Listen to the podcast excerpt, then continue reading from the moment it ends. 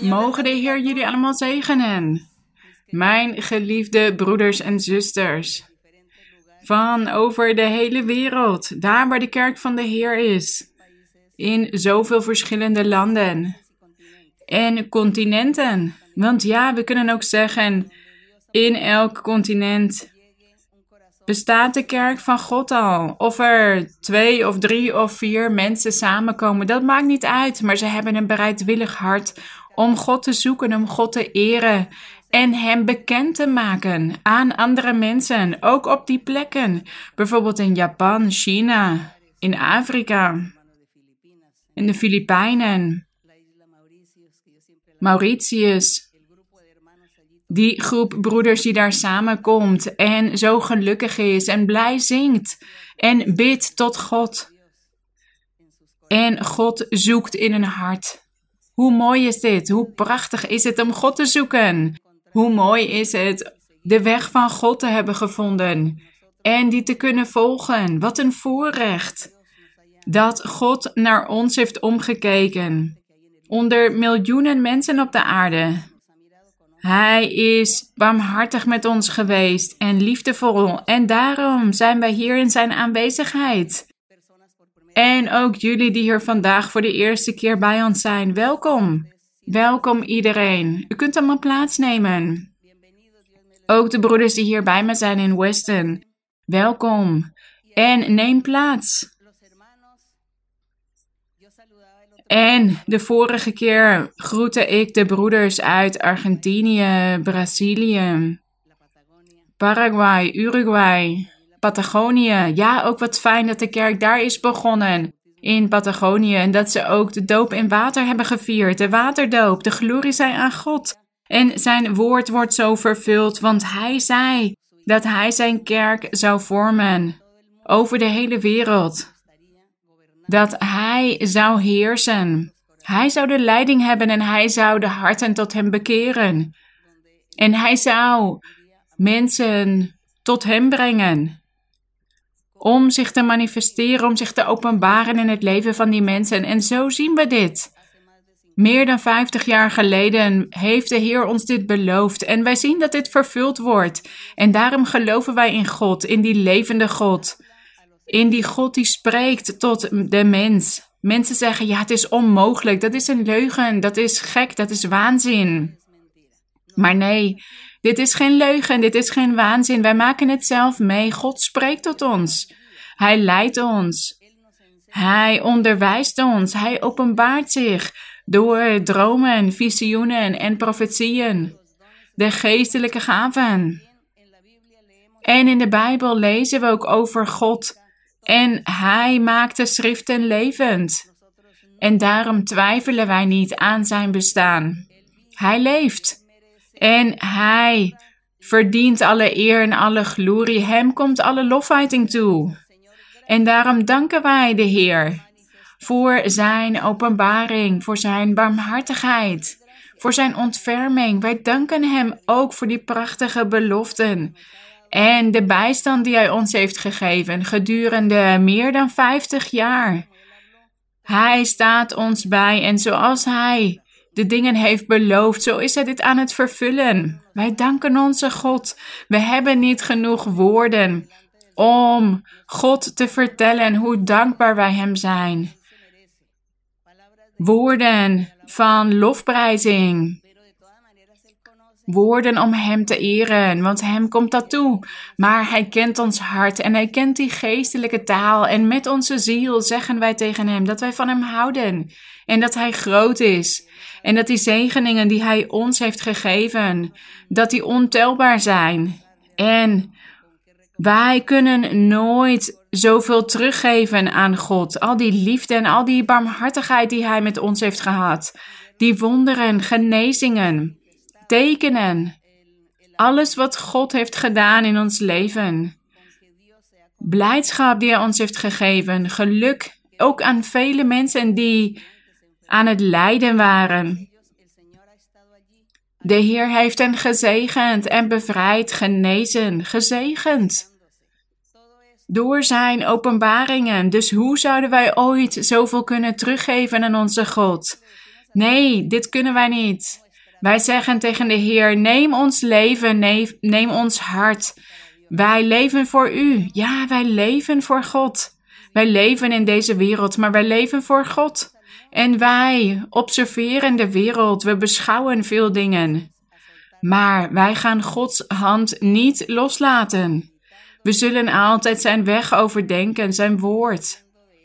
En we zullen altijd van Hem zijn geloofsleer leren, Hem lofprijzen en het goede voorbeeld volgen. Dat voorbeeld dat Hij onszelf heeft gegeven door middel van de Heer Jezus Christus en ook de apostelen aan het begin. En vandaag de dag is God ook vele mannen en vrouwen aan het laten opstaan die van Hem houden en die geestelijke gaven hebben ontvangen om Hem te dienen. De eer zij aan onze God. Wij danken onze God voor deze zegeningen, voor dit voorrecht. En vandaag gaan wij verder met de overdenking van Zijn woord.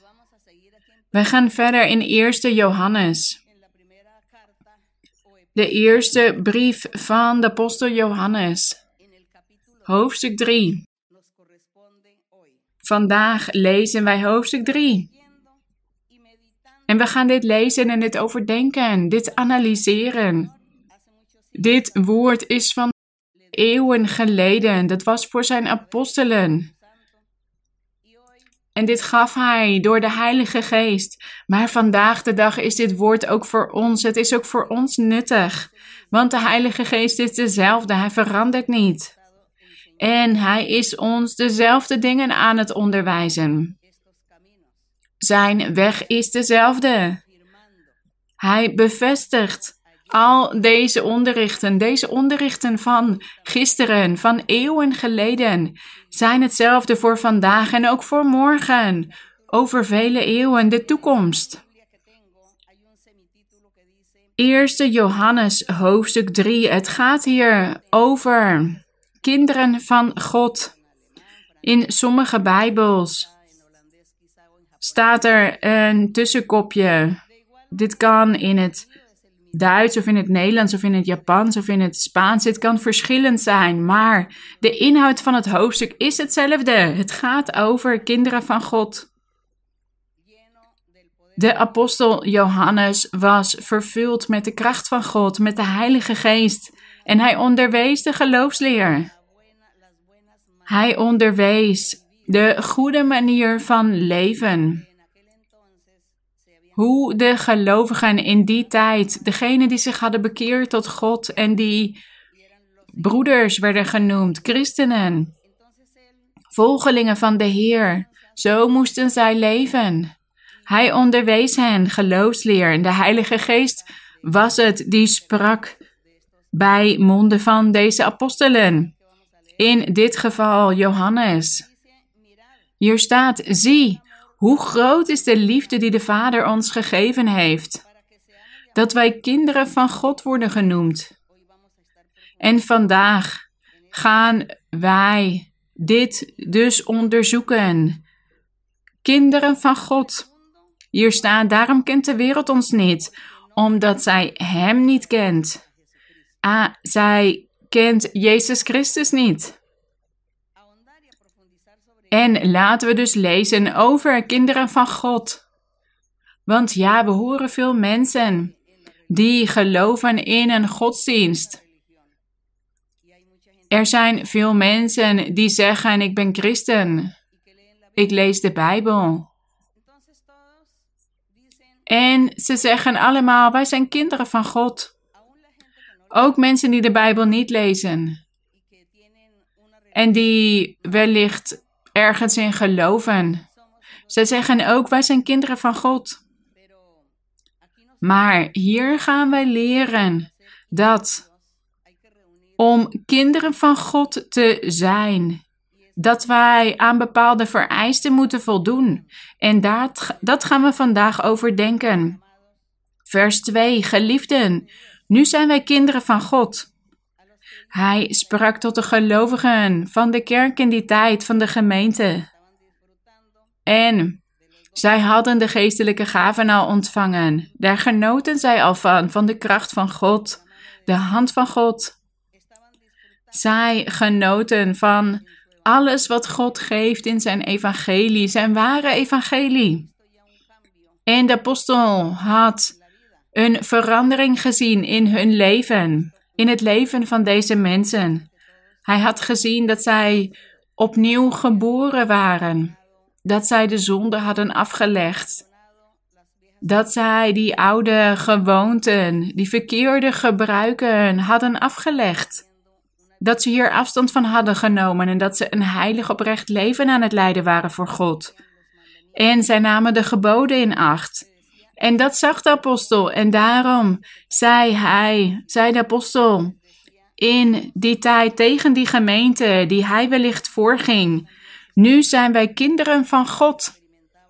Want hij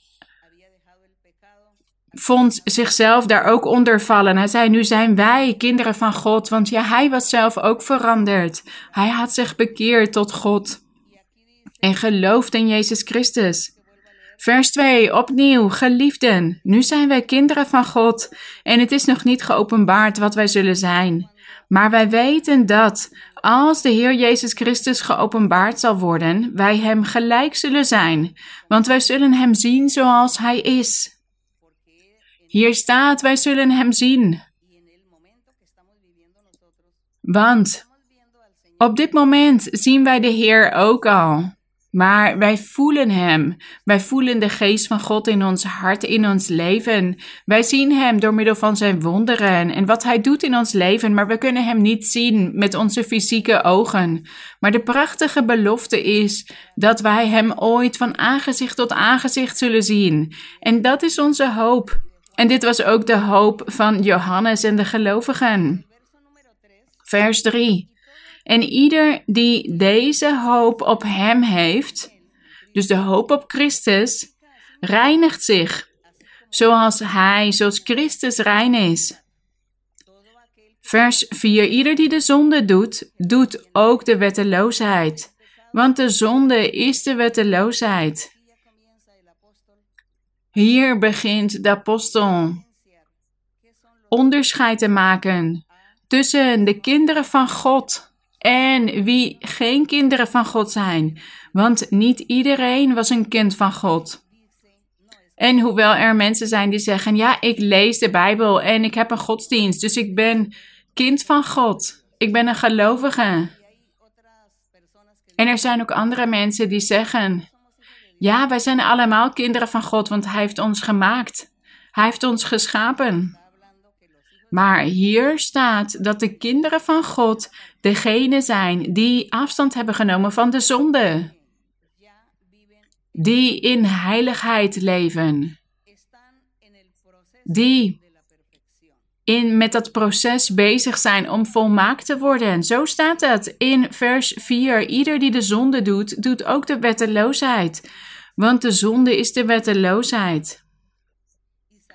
En u weet dat Hij geopenbaard is om onze zonden weg te nemen. En zonde is er in Hem niet.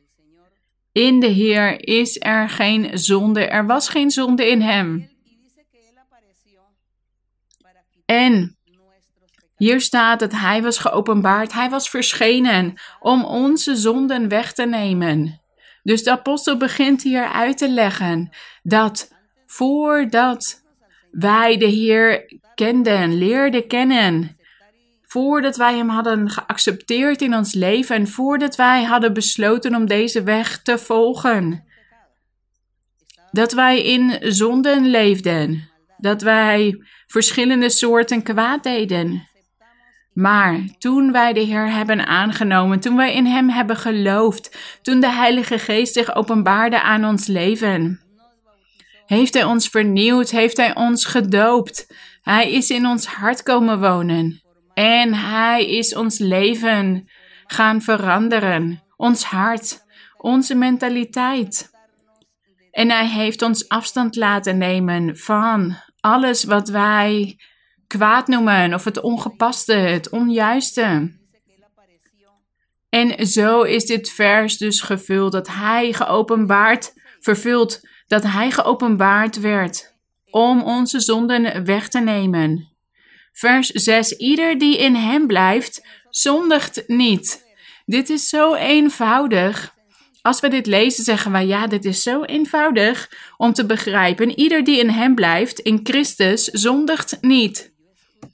Dus zal het zo zijn dat al die mensen die zeggen, zoveel mensen, zoveel kerkgenootschappen, die zeggen dat ze christen zijn en dat ze de Bijbel lezen en dat ze zeggen, ik geloof in Christus.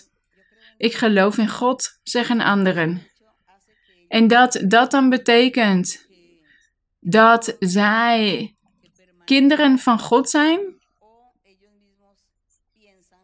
Zij denken dat ze kinderen van God zijn. Dat ze met God leven. Maar hier staat in vers 6: Ieder, dus elk mens of elke man of elke vrouw die in Christus blijft, zondigt niet. Wat is in Christus blijven? In Christus blijven, dat doet die persoon die een beslissing neemt. De beslissing om de weg te volgen die God hem laat zien. Die de Heilige Geest hem laat zien. En hij zegt tegen hem: Geloof in mij, lees de Bijbel. Kom hier samen, op deze plek, zoek mij. Leer om te bidden. Dat is wat de Heilige Geest tegen iemand kan zeggen als die persoon voor de eerste keer naar de kerk toe komt en profetie ontvangt. Dan begint God tot hem te spreken. De Heilige Geest begint raad te geven. En zegt: Geloof en volg mij. Ik zal je alles onderwijzen. Ik zal het slechte uit je wegnemen. Ik zal je hart veranderen. Ik zal je mentaliteit veranderen. Ik zal die slechte gedachten uit je wegnemen. Of die slechte, slechte handelingen die je doet. Ik zal een nieuwe man of een nieuwe vrouw van je maken en je zult mij dienen. Je zult met mij wandelen en ik zal bij je zijn. Al deze prachtige beloften geeft de Heilige Geest aan een man of vrouw die voor het eerst naar de kerk toe komt. Zij maken dan zo'n ervaring mee met God. Zij ontvangen het woord van de Heer. En soms is dit door middel van de gave van profetieën, bij anderen is dit door dromen. Dat God voor het eerst tot die persoon begint te spreken. En dat hij laat zien in welke plek hij samen moet komen om God te vinden. En God brengt al die mensen naar de kerk toe, naar de plek van samenkomst. En de Heilige Geest begint dan tot hen te spreken en geeft hen raad over de weg die ze horen te volgen. En die persoon die neemt dan een beslissing. Hij die doorgaat, die de weg van God wil volgen, die begint dan te zien dat zijn leven begint te veranderen. Hij wil dan bepaalde dingen niet meer doen. Dingen die hij in zijn leven deed. Die neigingen daartoe, die zijn dan weg uit hem. Dus als hij een bedrieger was, dan wil hij niet meer bedriegen. Als hij een leugenaar was, dan wil hij ineens niet meer liegen. Als hij mensen bedroog om er zelf beter van te worden om bezittingen te verkrijgen, geld. Dan wil hij dat ineens niet meer. Dan voelt hij die hebzucht niet meer. Dan wil hij mensen niet meer bedriegen om hun geld af te nemen door bedrieglijke zaken. En het kan ook iemand zijn die graag altijd dronken wilde zijn, maar die persoon wil dan ineens niet meer dronken worden. Die heeft er dan geen zin meer in. Die voelt die neiging niet meer om dat te doen. Zo begint die persoon die verandering in zijn leven te ervaren, omdat hij door God wordt geholpen, door de Heilige Geest. Want iemand kan dit niet alleen doen, een mens kan dit niet alleen doen. Zonder hulp, maar God kan die persoon helpen. En God kan dan tot die persoon spreken in profetieën of dromen. En hij zegt dan: Ik ga een nieuwe mens van je maken, een nieuwe man, een nieuwe vrouw. Kom naar de kerk, kom samen. Zoek mij. En Ik zal je gelukkig maken. En we zien dan de verandering in het leven van die persoon. Want die persoon zegt dan: Ja, ik vind dit mooi, ik vind dit fijn. Ik had nooit een plek gevonden waar God zich werkelijk openbaart. Ik wil geluk, ik wil vrede in mijn hart. Ik vind dit mooi, ik vind dit prachtig en ik weet dat God hier is. En God begint die persoon dan te helpen. Hij begint die persoon dan te helpen zodat hij begint te veranderen. En die persoon die neemt dan afstand van de zonde en begint dan met God te leven.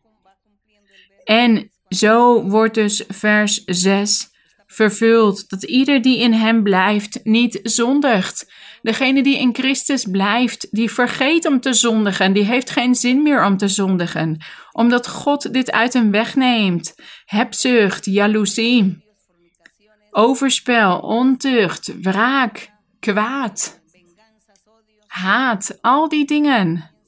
De Heer begint dit uit hem weg te nemen. En die persoon begint dan een leven vol vrede te beleven. En zijn vrienden, mensen om hem heen beginnen dan die verandering te zien in het, in het leven van die persoon. En zeggen dan: Hoe is dit gebeurd? Wat is er met u gebeurd? Ik heb u leren kennen hoe u anders, hoe u vroeger was, maar nu bent u zo anders. Wat is er gebeurd? En dan zeggen wij: Ja, ik heb een kerk leren kennen. Ik heb God leren kennen. God spreekt tot mij. En hij doet mij beloften en hij verandert mij en hij blijft mij veranderen. Gezegend zij de Heer. Dat is wat iedereen meemaakt die de kerk leert kennen.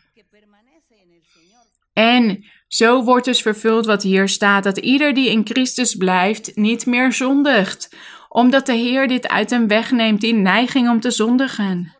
En hier staat: ieder die zondigt, heeft de Heer niet gezien, heeft God niet gezien en heeft hem niet gekend. Dus die persoon kent de hand van God niet. Hij kan zeggen: Ja, ik lees de Bijbel.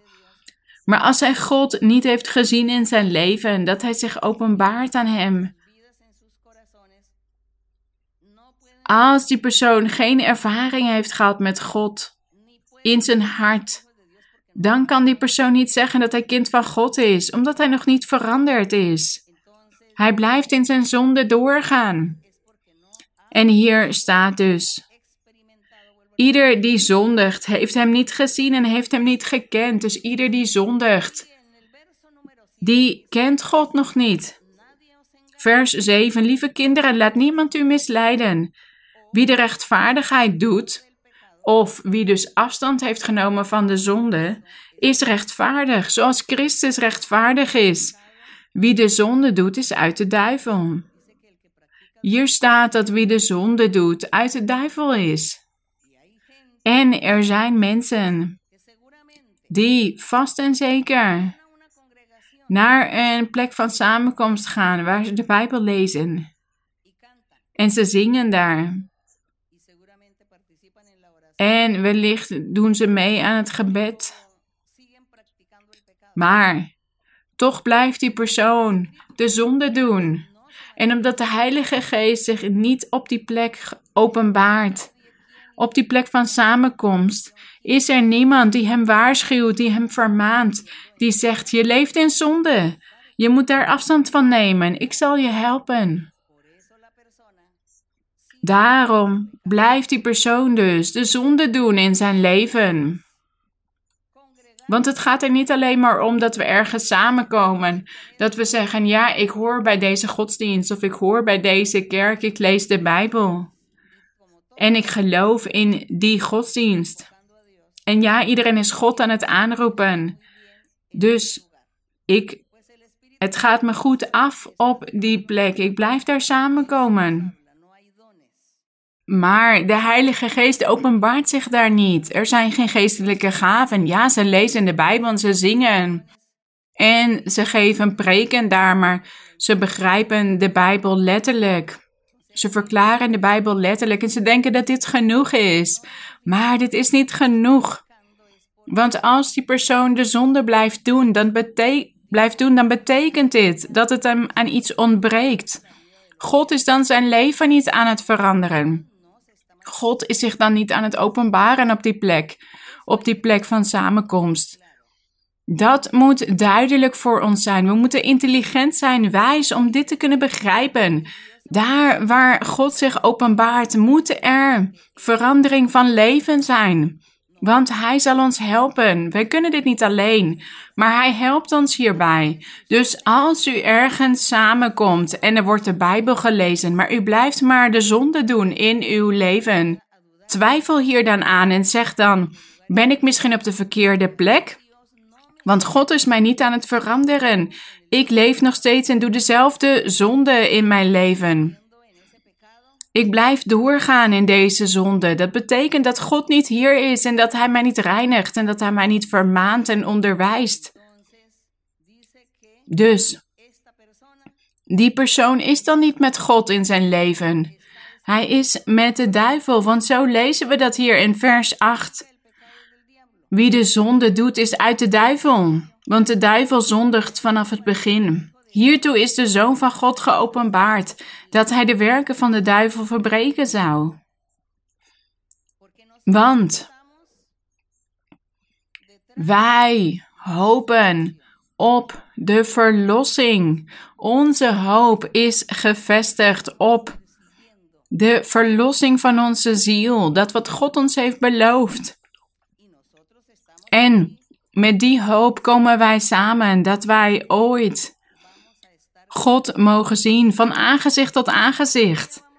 Dat wij ooit mogen genieten in de eeuwigheid met Hem. Dat is onze hoop.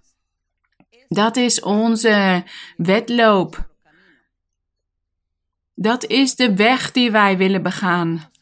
En laten wij dus blijven leren en blijven overdenken. Ja, dit onderricht is wellicht meer voor mensen die nog nieuw zijn in de kerk.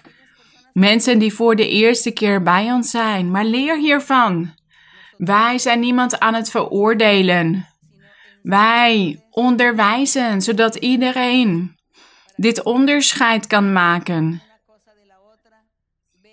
Dat, ze, dat men de ware zin kan ontdekken van wat het betekent met God te zijn, met God te leven en niet te zondigen.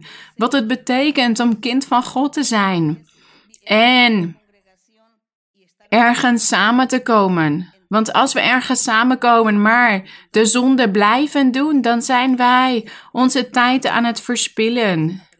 Dan zijn we niet met God, maar met de duivel. Vers 9. Ieder die uit God geboren is, dus hiervoor moet God tot ons spreken. En die persoon moet dan zijn hart bereidwillig hebben voor God en zeggen: Ja, Heer, ik wil u volgen. Help mij om al deze zwakheden uit mijn vlees weg te nemen. Neem dit weg, ik wil u behagen, ik wil u dienen. Ik wil het eeuwige leven verkrijgen. En de Heer zegt dan: Ja, ik zal je helpen en ik zal je opnieuw geboren laten worden. Ik zal alle zonden uit je wegnemen. En vanaf nu zul je de zonde niet meer doen, want je zult opnieuw geboren worden. Een nieuw mens. Een nieuwe man, een nieuwe vrouw. En wanneer Hij dan dat wonder in ons doet, dan zijn wij opnieuw geboren. En dan doen wij dus de zonde niet meer. Vers 9 dus. Ieder die uit God geboren is, doet de zonde niet. Want zijn zaad, het zaad van God, dit is Christus Jezus, blijft in hem, blijft in hem of blijft in haar. En hij kan niet zondigen. Deze man of deze vrouw kan niet zondigen, omdat hij uit God geboren is. De glorie zij aan God, omdat God dat wonder heeft gedaan in dat leven, in dat hart. En hij heeft die neiging om te zondigen uit die persoon weggenomen. Mensen zeggen dat het heel moeilijk is, maar het is niet moeilijk. Het enige wat ervoor nodig is, is een bereidwillig hart en geloven. God aannemen. Er naar verlangen God te behagen. En naar verlangen het eeuwige leven te ontvangen. Dat is alles wat er voor nodig is. De rest doet God. God doet al het werk in ons leven.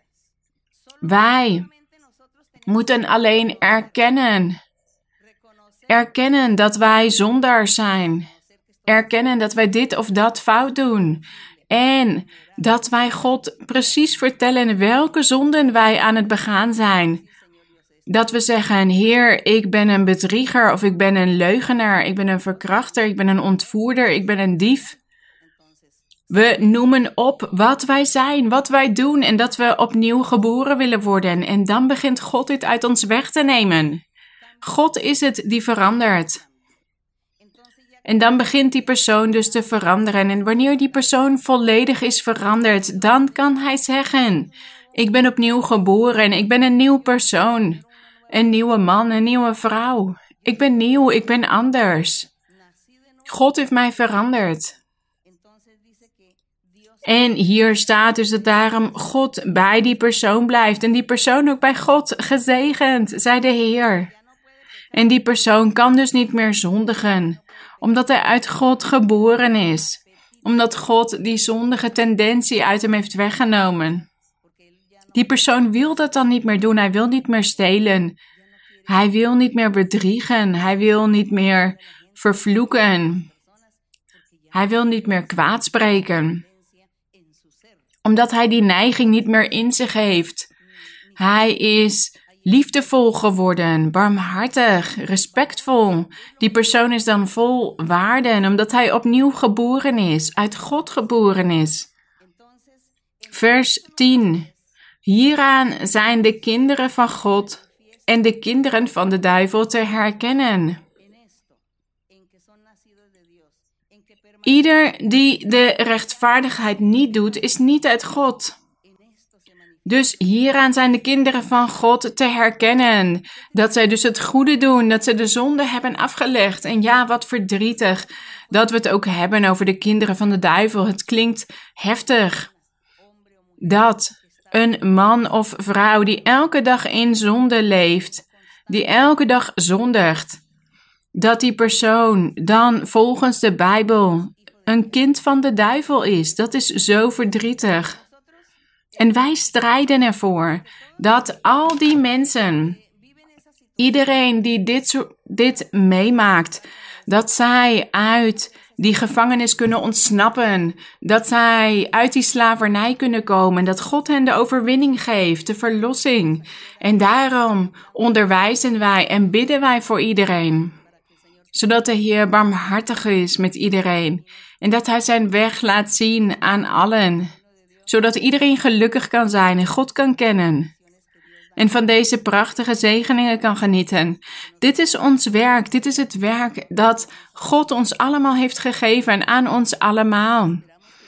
En wij hopen dat God ons hierbij helpt om deze taak te kunnen volbrengen.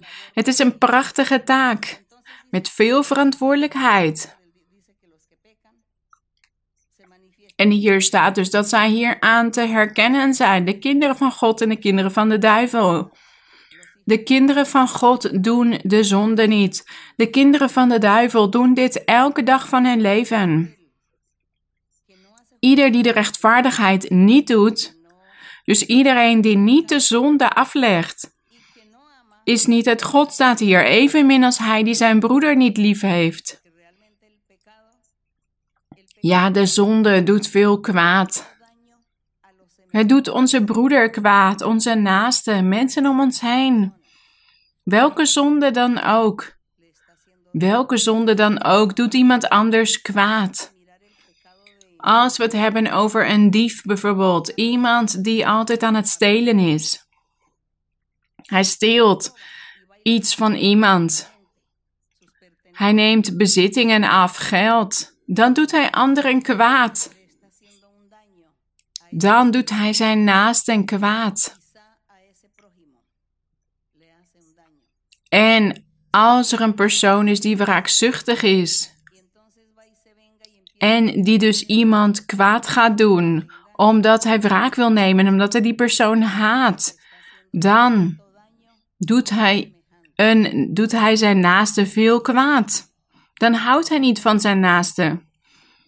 Welke zonde dan ook, die een mens aan het begaan is op een constante manier. Dat betekent dat die persoon niet van anderen houdt. In spreuken in de Bijbel vinden we bijvoorbeeld veel versen over de bedrieglijke weegschaal Dat er mensen zijn die bedriegen, die niet eerlijk zijn. En dat er bijvoorbeeld iemand een kilo een ons wilde kopen van iets. Dat ze dan een valse weegschaal hadden, een bedrieglijke weegschaal. Dus ze gaven dan eigenlijk minder dan wat die persoon waar die voor betaalde. En daar lezen we veel over in spreuken. En zo waren er ook veel mensen die slechte producten verkochten, alsof het goede producten waren. En zo bedrogen zij vele mensen. En dat is ook hebzucht, geldzucht. Die persoon die dit soort dingen doet, is hebzuchtig, is geldzuchtig. Hij wil alles hebben. Hij wil elke keer meer geld hebben en van anderen het geld afnemen. Dus die zonde van hebzucht, van geldzucht, van bedrog. Op die manier doet hij zijn naasten kwaad. Al diegenen die bij hem komen kopen, die doet hij kwaad. Hij doet dan zijn medemensen kwaad. En dat betekent dat hij niet van mensen houdt. Dus nu begrijpen we waarom hier aan het eind van vers 10 staat dat ieder die de rechtvaardigheid niet doet, dus die niet rechtvaardig is, maar zondigt de hele tijd, die houdt ook niet van zijn broeder. Hij heeft zijn broeder niet lief. Hij heeft andere mensen niet lief, mensen om hem heen. En die persoon is dus niet uit God. Want God houdt van alle mensen. En wij willen dus ook geen kwaad voor niemand. Ik ben gelukkig als jullie gelukkig zijn. Als jullie blij zijn, dan word ik daar blij van. En als jullie mij vertellen over zegeningen die God jullie heeft gegeven, dan word ik daar gelukkig van.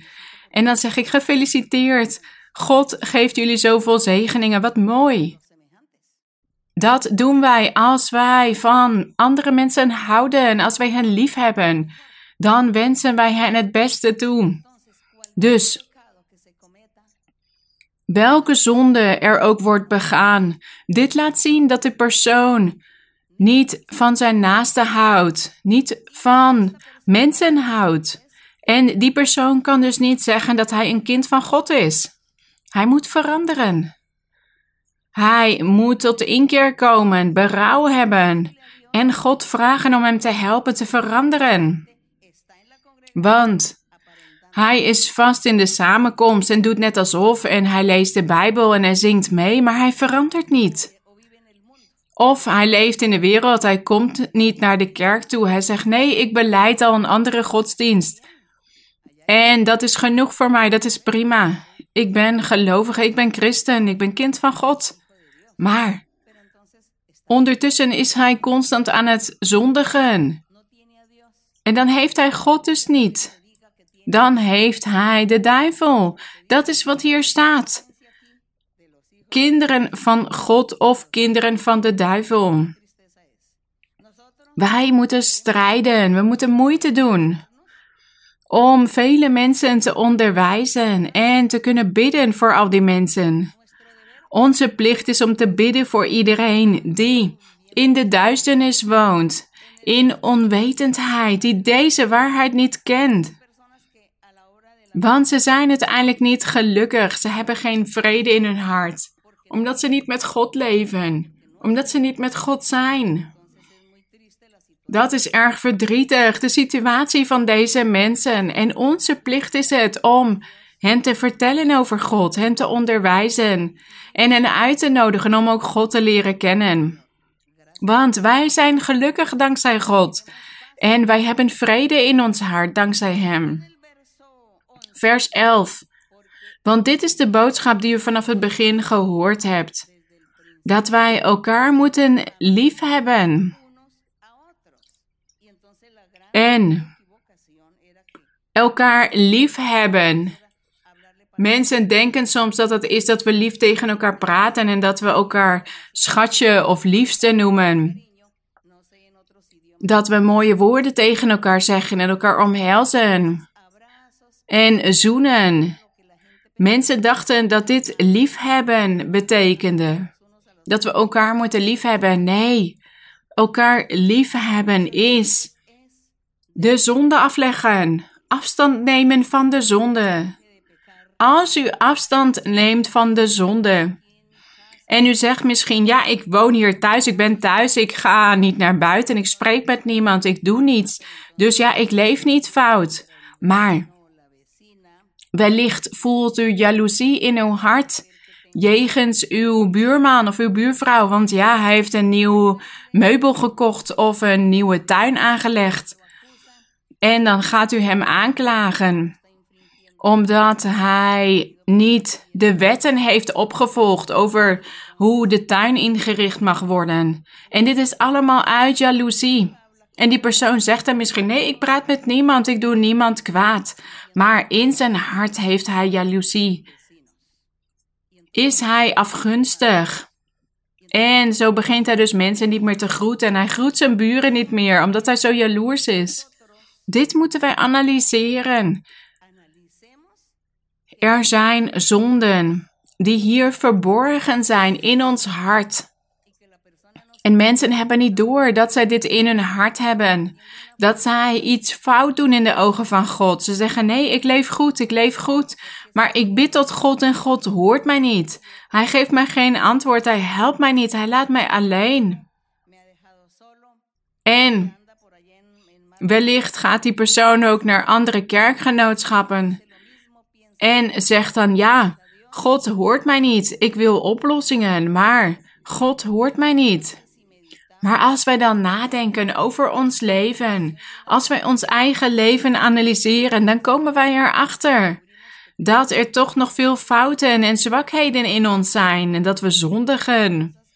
Dat we nog vele dingen doen waarmee wij andere mensen beledigen en God beledigen. En wij doen anderen kwaad. En we doen onszelf ook kwaad, want we hebben dan geen verbondenheid met God. We hebben dan geen vertrouwelijke omgang met God. Vanwege onze manier van leven. En God neemt dan afscheid van ons en God luistert dan niet naar onze gebeden. Dus we moeten ervoor strijden om werkelijk een kind van God te zijn. Een dochter of een zoon van God. We moeten onszelf analyseren. Zijn wij wellicht jaloers op iemand? Dat is ook een zonde. Mensen zeggen ja, er zijn grote zonden en kleine zonden. Bijvoorbeeld, ja, dat ik jaloers op iemand ben. Dat is geen grote zonde als bijvoorbeeld overspel plegen. Ja, overspel plegen, dat is een grote zonde. Of iemand vermoorden. Iemand doden, dat is een grote zonde. Maar ik voel alleen maar jaloezie in mijn hart. Nee, die zonden zijn gelijk, die wegen even zwaar voor God. Het zijn allebei zonden. God kijkt er niet naar of het een kleine of een grote zonde is. Alle zonden zijn gewoon zonden. En als u iemand zijn leven afneemt, ja, dan zult u door de rechters gestraft worden, naar de gevangenis moeten. Maar als u jaloers bent op iemand, dan wordt u daar wellicht niet, door niet voor gestraft door de rechters, maar God ziet u wel. En God neemt afstand van u en luistert niet naar u. En dan zult u altijd vastgebonden zijn aan deze zonde, aan deze zwakheid. Dus we gaan niet zeggen dat er grote en kleine zonden zijn. Nee, ze zijn allemaal gelijk, even zwaar, even groot. En ze doen onze naasten kwaad. Dus als wij onszelf analyseren, dan komen wij erachter wat wij zijn, wie wij zijn, hoe wij zijn. En God zal ons dan helpen om te veranderen, om dit allemaal uit ons weg te nemen zodat wij werkelijk kinderen van God kunnen zijn. En in vers 11. Want dit is de boodschap die u vanaf het begin gehoord hebt: dat wij elkaar moeten liefhebben. Vers 12. Niet zoals Kaïn. Hij was uit de boze en sloeg zijn broer dood. Waarom staat hier dat hij uit de boze was? Wat was er in zijn hart? Jaloezie, afgunst, zeggen de broeders hier die bij mij zijn. Ja, in hem was jaloezie, afgunst. In zijn hart. En die jaloezie en die afgunst die hij constant in zijn hart had, die had ervoor gezorgd dat hij zijn eigen broer had gedood. Dus één zonde verwekt een andere zonde. Dus uit de zonde van jaloezie en afgunst kwam moord voort. En hier staat dus dat hij uit de boze was, uit de duivel. Hij was met de duivel, niet met God. Daarom staat hier dat hij uit de boze was. En waarom sloeg hij hem dood, staat hier? Omdat zijn werken slecht waren en die van zijn broer rechtvaardig. Ja, zijn werken waren slecht en die van zijn broer waren goed. En daarom was hij jaloers op hem geworden. Vers 13. Verwonder u niet, mijn broeders, als de wereld u haat. Hier spreekt hij tot de kerk, tot de gemeente. De wereld zal u haten, maar verwondert u zich daarom niet, staat hier. Wij weten dat wij zijn overgegaan uit de dood in het leven, omdat wij de broeders lief hebben. Wie zijn broeder niet lief heeft, blijft in de dood.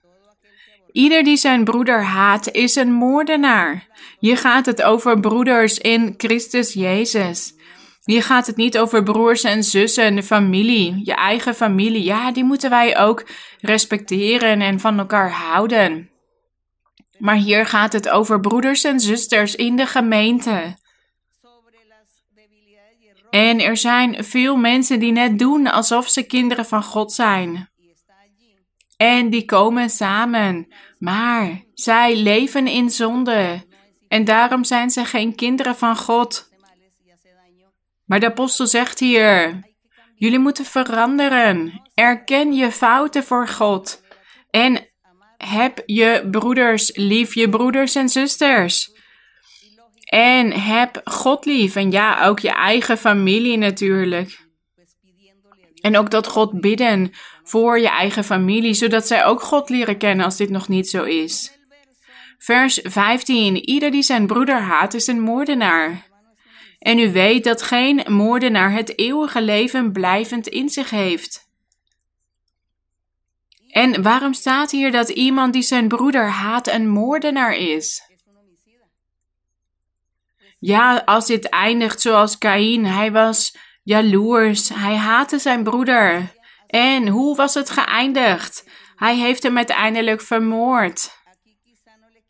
En wellicht zeggen wij vandaag de dag, ja, wij vermoorden niet op een fysieke manier andere mensen, maar wij kunnen wel anderen geestelijk doodmaken, omdat wij hun geestelijk leven aantasten en ook ons eigen geestelijk leven. Wij doden ons eigen geestelijk leven als wij in zonde leven, in het vlees, in de zonde. God neemt een afstand van die persoon.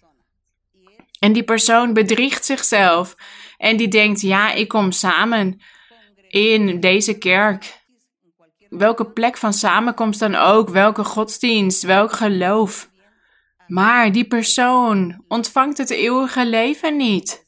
En daarom is die persoon ook een moordenaar, maar van het geestelijk leven. Vers 16. Hieraan leerden wij de liefde kennen. Dat hij voor ons zijn leven heeft gegeven. Ook wij moeten voor de broeders het leven geven. Hier sprak de apostel over die tijd, omdat zij vervolgd werden, omdat zij het evangelie van de Heer verkondigden.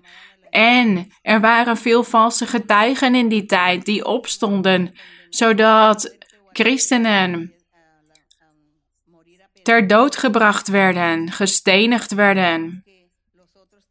En hier staat dus dat zij ook voor de broeders het leven moesten geven. Dat ze moesten getuigen: nee, dit is een man van God. Hij heeft goede dingen gedaan. Ik geef mijn leven voor hem. En dit was in die tijd gebeurd toen het evangelie van de Heer net begon. Vandaag de dag zien wij dit niet meer, want wij worden niet vervolgd tot de dood. De overheden vervolgen kerken ook niet meer. Er is een soort van vrijheid. Maar de vijand vervolgt ons wel op een andere manier. Dus we moeten wel altijd alert zijn, waakzaam. We moeten altijd die manieren ontdekken waarop de vijand achter ons aankomt om standvastig te zijn, om door te kunnen gaan op deze weg. Om Gods hand niet los te laten. Om altijd kinderen van God te blijven. Vers 17. Wie dan de goederen van de wereld heeft en zijn broeder gebrek ziet lijden, maar zijn hart voor hem toesluit, hoe kan de liefde van God in hem blijven? Hier gaat het over vrijgevigheid, over mensen helpen, barmhartig zijn, de behoeftigen helpen. Vers 18. Mijn lieve kinderen, laten wij niet lief hebben met het woord of met de tong, maar met de daad en in waarheid. Dus het kan niet alleen maar woorden zijn, mooie woorden. Dat we lief spreken tot andere mensen. Nee, we moeten dit met, daad, met daden en in waarheid laten zien. Dus een leven zonder zonde leven. 19. En hieraan weten wij dat wij uit de waarheid zijn, de weg van God. En zo zullen wij ons hart voor Hem geruststellen. Want als ons hart ons veroordeelt, God is meer dan ons hart en Hij weet alle dingen. Hier gaat het over ons geweten. Ons geweten kent ons en vertelt ons wanneer wij verkeerde dingen doen. En ja, God doet dit ook. Hij vermaant ons, hij onderwijst ons. En hij helpt ons om de dingen goed te kunnen doen. Als wij bereidwillig zijn voor Hem, als wij hiernaar verlangen het juiste te doen.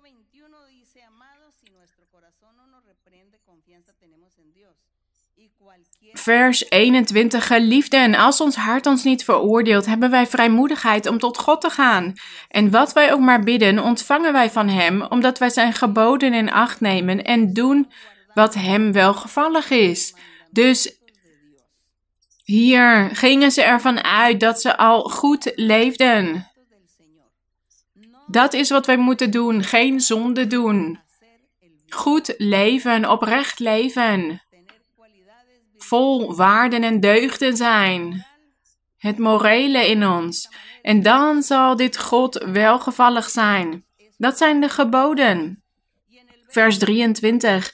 En dit is zijn gebod, dat wij geloven in de naam van zijn Zoon Jezus Christus. En dat wij elkaar lief hebben. Oftewel, dat wij de zonde afleggen.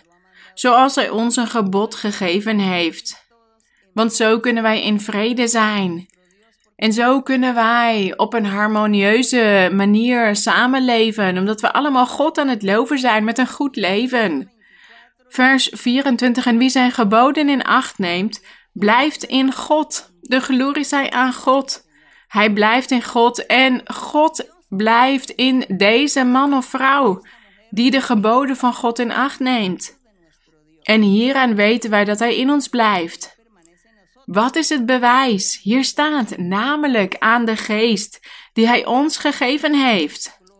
De glorie zij aan de Heer. Lees alsjeblieft vers 24, zodat jullie het goed onthouden.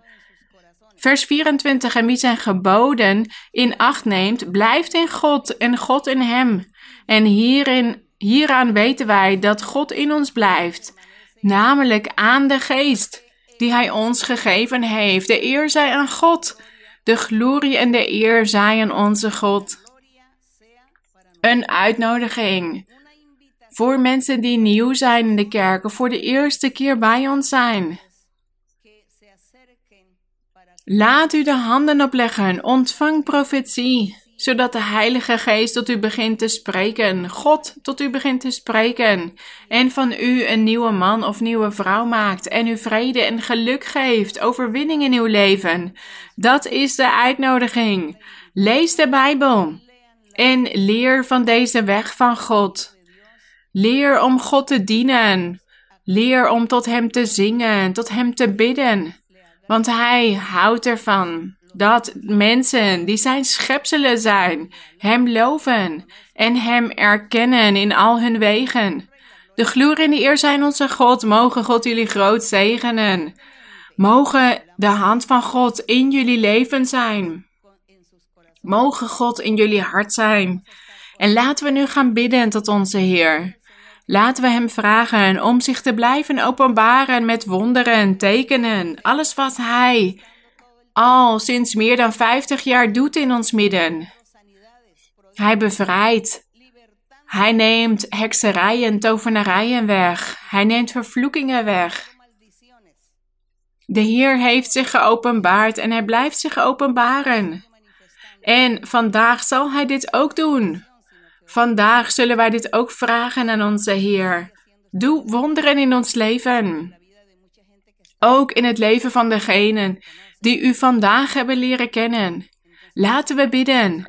Hemelse Vader, schepper van de hemelen en de aarde, onze krachtige God, almachtige God, u die bij Mozes was geweest en u die tot Abraham hebt gesproken, Jacob, grote mensen, aartsvaderen die met u zijn geweest en van uw aanwezigheid hebben genoten, van uw stem, van uw leiding, van uw raad. Al die bevelen die u hen opdroeg en die zij in acht namen. En zij hebben overwinningen ontvangen. U hebt hen hiervoor beloond. U hebt vele zegeningen gegeven, materiële, geestelijke zegeningen. En u hebt hen vele beloften gedaan. En net als hen, vandaag doet u hetzelfde in ons leven. U hebt ons vele dingen beloofd en u hebt ons gezegend. En daarom staan wij hier voor u om u te bedanken. Om u de eer en de glorie en de lofprijzing te geven. Want het komt u toe, mijn Heer. En wij zijn hier om u te vragen barmhartig te zijn met iedereen. Met mensen die nieuw zijn. En die vandaag voor de eerste keer bij ons zijn. Mensen die nog geen ervaringen met u hebben meegemaakt. Mensen die de boodschap van de Heilige Geest nog niet gehoord hebben. Mogen uw liefde, die zo groot is en die voor altijd is, bij iedereen zijn. Uw beloften zijn betrouwbaar en waarachtig. Wij geloven u. Wij geloven in u. Wij loven u. Wij prijzen u. Wij danken u voor uw barmhartigheid, voor uw ontferming. Wij danken u en in de naam van de Heer Jezus Christus uit Nazareth vraag ik u om uw krachtige hand uit te strekken over al die mensen die ziek zijn. Zoveel ziekten. Zoveel zijn ziek, mijn Heer. En wij vragen u om uw hand uit te strekken. U bent die goddelijke dokter. U kunt bevrijden, u kunt wonderen verrichten, tekenen. Ik weet dat op dit moment velen u om genezing vragen, om bevrijding, ook degenen die ongeneeslijke ziekten hebben. Hier verhoor iedereen. Uit uw grote barmhartigheid, vanwege uw beloften. Dat u zou zegenen, dat u zou genezen, dat u zou bevrijden en zou reinigen. Iedereen verwacht dit van u, mijn Heer. En ook degenen die gevangenen zijn geworden van de vijand, door onreine geesten, hekserijen, tovenarijen, bevrijd hen, breek de ketens. Vernietig het werk van de vijand. Vernietig die jaloezie van de duivel tegen ons allen. De eer en de glorie zij aan u, de lofprijzing zij aan u, mijn Heer. Wij danken u voor uw grootheid en uw liefde. Wij danken u in de naam van de Heer Jezus Christus, uw geliefde Zoon. Amen. De lofprijzingen zijn onze God. Dank jullie wel, mijn geliefde broeders en zusters en iedereen die bij ons is geweest vandaag. Mogen God jullie groot zegenen. Een omhelzing voor jullie allemaal. En ook voor de kinderen. Dank jullie wel. Mogen God jullie zegenen. Tot binnenkort.